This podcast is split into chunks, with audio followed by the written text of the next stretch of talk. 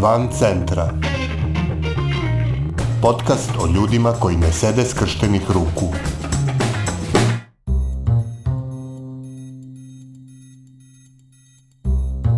Ovo je treća epizoda podcasta Van centra, koji prati napore ljudi iz cele Srbije da poboljšaju kvalitet života u svojim sredinama.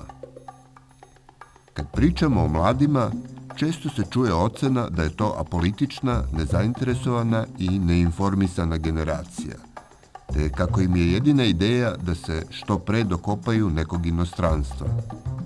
Mada to u mnogim slučajevima jeste tačno, i dalje postoje neki mladi koji veruju da ima smisla delovati nekako u svom okruženju, da je društvena pravda moguća i da problemi koji nas okružuju mogu da budu rešeni našom inicijativom.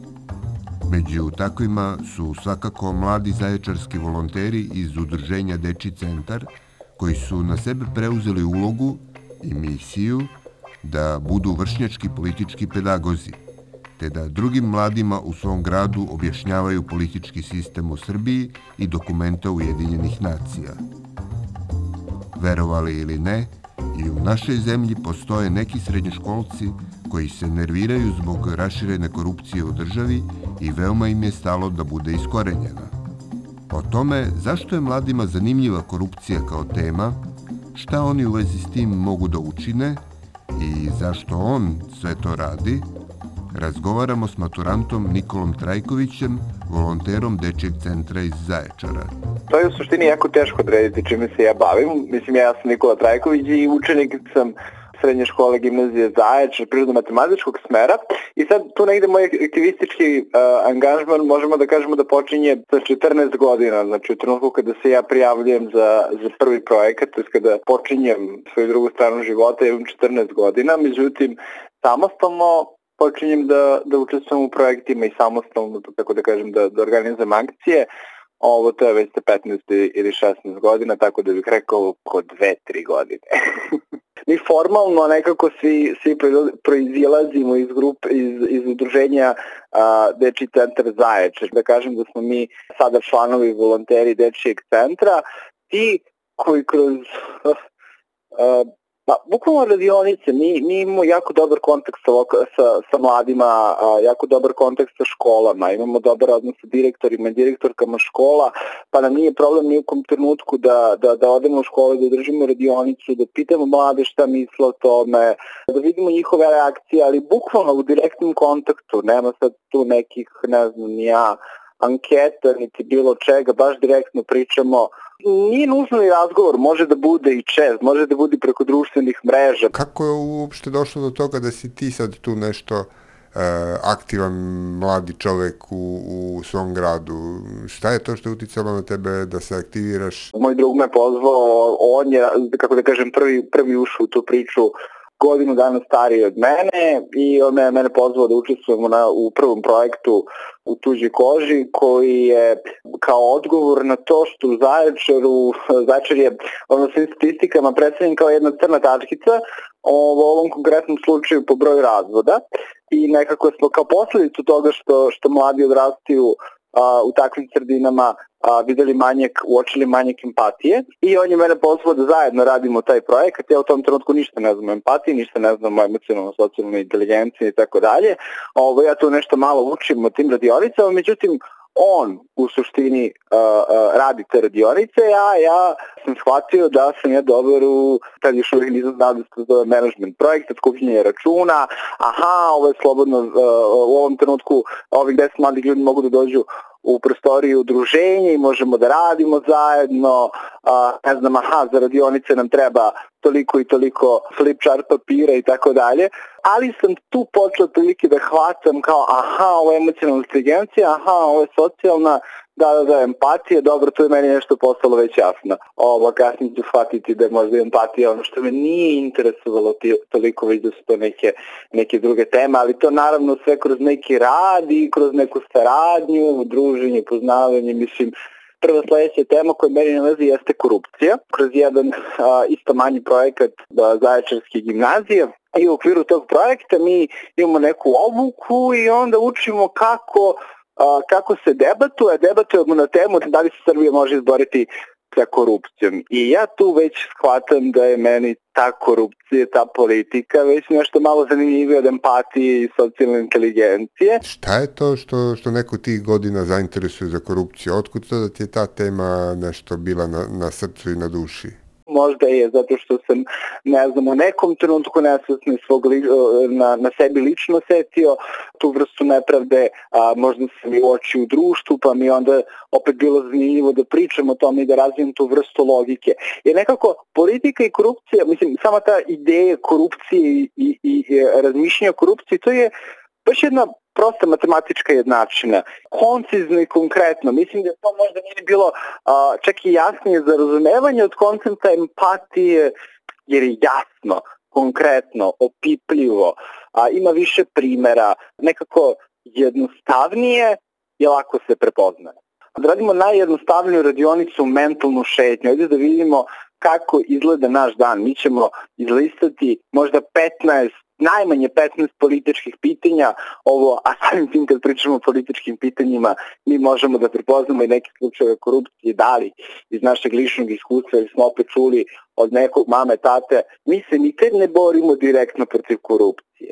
Nego mi radimo sa mladima, mi zapravo učimo mlade kako da prepoznaju korupciju, ali ne samo kako da prepoznaju, nego kako i da ukažu na njih. Kako reaguju ti mladi kad ih ti dovedeš na neku radionicu i poželiš da im pričaš nešto o korupciji? A evo meni sad tu pada na pamet možda i sad, sad više pričam iz ugla Zaškog parlamenta. Mislim da smo mi 2018. godine imali jedan a, fenomenalan projekat a, i sad mi spremamo taj program i mi smo konstantno u strahu šta će da, da, da ne budemo obimni, da, pošto, je, da, pošto nam cijela grupa su nam bili učenici i učenice prve i druge godine, posle prvog dana mi smo završili ovu, kompletno naš program, ostalo nam je još sat vremena i kao, ok ljudi, kao možemo, ono, možete slobodno da, da idete, a ne, mi bismo ostali još, a mi u šoku. Kao, Ljudi bi, ljudi bi da slušaju još o demokratiji, ljudi bi da slušaju još o korupciji. Wow, ovo je zanimljivo, ali zašto je zanimljivo? Zato što učim opet, pratit će se možda deset puta da smo to, ali opet učim uh, o nečemu što mi je blisko, što me se tiče, što je deo moje svakodnevnice, što je deo mog života od rođenja pa do smrti.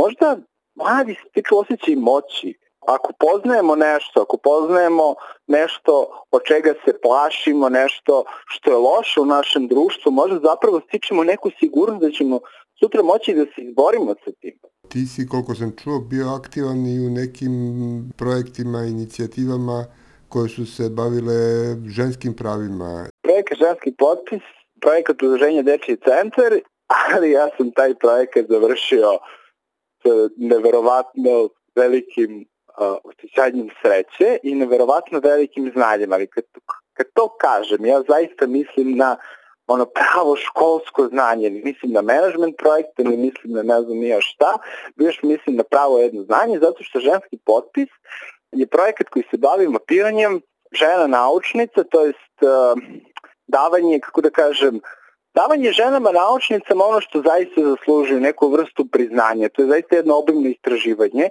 i to nije istraživanje koje je radilo samo par nas, to istraživanje je radio velik broj ljudi da postoji jako malo podataka, jako su teško dostupni, mora mnogo da se kopa i to je za nas je bio jedan dobar indikator zapravo u kom društvu, u kom društvu živimo. Akcija tog projekta jeste bila, pored toga što ćemo odraditi te posteri, te priču ženama naučnicama, da kupimo, meni se to čini hiljadu razglednica, opet sa tematikom a, žena naučnica i sa zahtevom da se žene naučnice uvedu u a, školske učbenike, što naravno se i dalje nije dogodilo, ali ono što je zanimljivo jeste da a, smo mi mesto hiljadu sakupili a, mnogo, mnogo, mnogo više tih razglednica koje su poslede na ministarstva obrazovanja ili zavoda za povišanje kvaliteta nastave. Sad više nisam ni siguran, ovo što nije ni toliko važno, koliko je važno da, da je odaziv lokalne zajednice u tu akciju bio, bio veliki značajan. A zbog čega u stvari? Šta, šta, šta je to, koji to problem rešava taj projekat? Ne rešava direktno ni jedan problem. Mi smo probali da rešimo taj problem a, zato što je to sistemski problem. Ali ako pričamo o problemima koji su rešeni, to su onda problemi koji su problemi kao što je građansko neprepoznavanje ideje da su žene zapravo deo nauke, da su žene stvarale nauku, podjednako su zaslužne, a nekad su im čak, nekad čak njihova, njihove zasluge a, bile oduzete a, i pripisivane nekim muškarcima. Znači, ako ja dobro tu prepoznam i tu se može naslutiti neka vrsta tvoje težnje da pravda bude zadovoljena. Da, baš tako.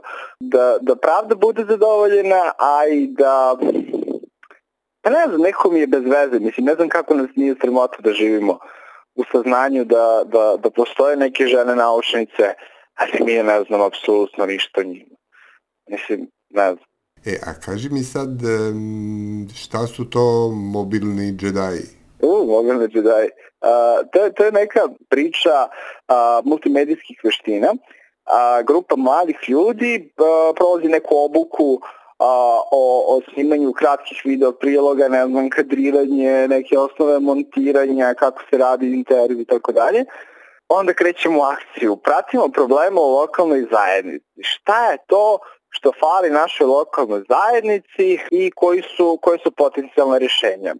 I ja tu kad god pričam o tom projektu, ja bih izdvojio priču jedna učesnica Tamara Milanović koja je snimila priču o tome kako u školskom WC-u, recimo, ja mislim da, da čak u nekoliko, nekoliko kabina nije bilo vrata, i ja ne znam da je prošlo neđe dana, to je kako smo mi objavili, objavili tu priču, u školskom WC-u su se pojavila vrata.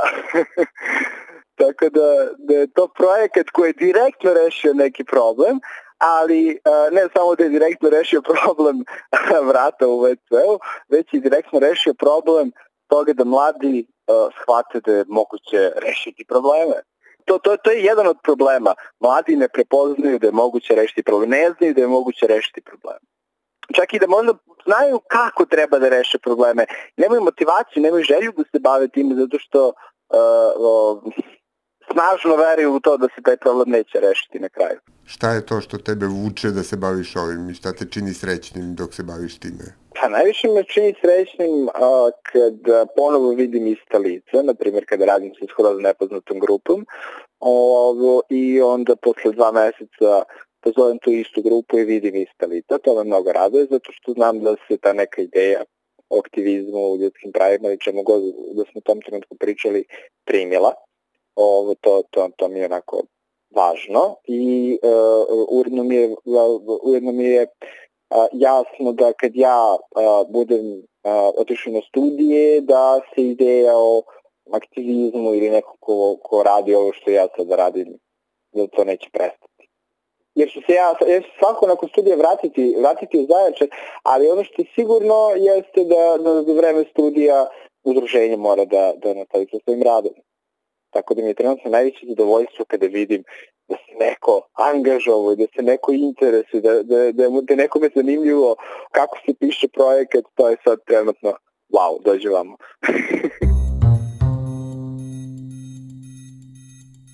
Slušali ste epizodu Van Centra za 10. novembar 2020. godine. Nove priče o ljudima koji ne sede skrštenih ruku čekaju vas u petak 13 a umeđu vremenu pridržavajte se mera zaštite od koronavirusa, čuvajte svoj i tuđe živote i ne ćutite pred glupošću i nepravdom. Van Centra je autorski podcast koji se realizuje uz podršku građanskih inicijativa.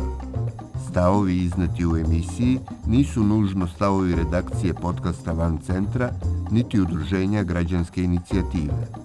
Redakcija Tara Petrović, Miodrag Mrkšić i Aleksandar Gubaš. Urednik i voditelj Aleksandar Gubaš.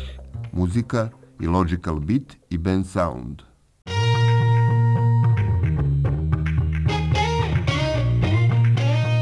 Van centra.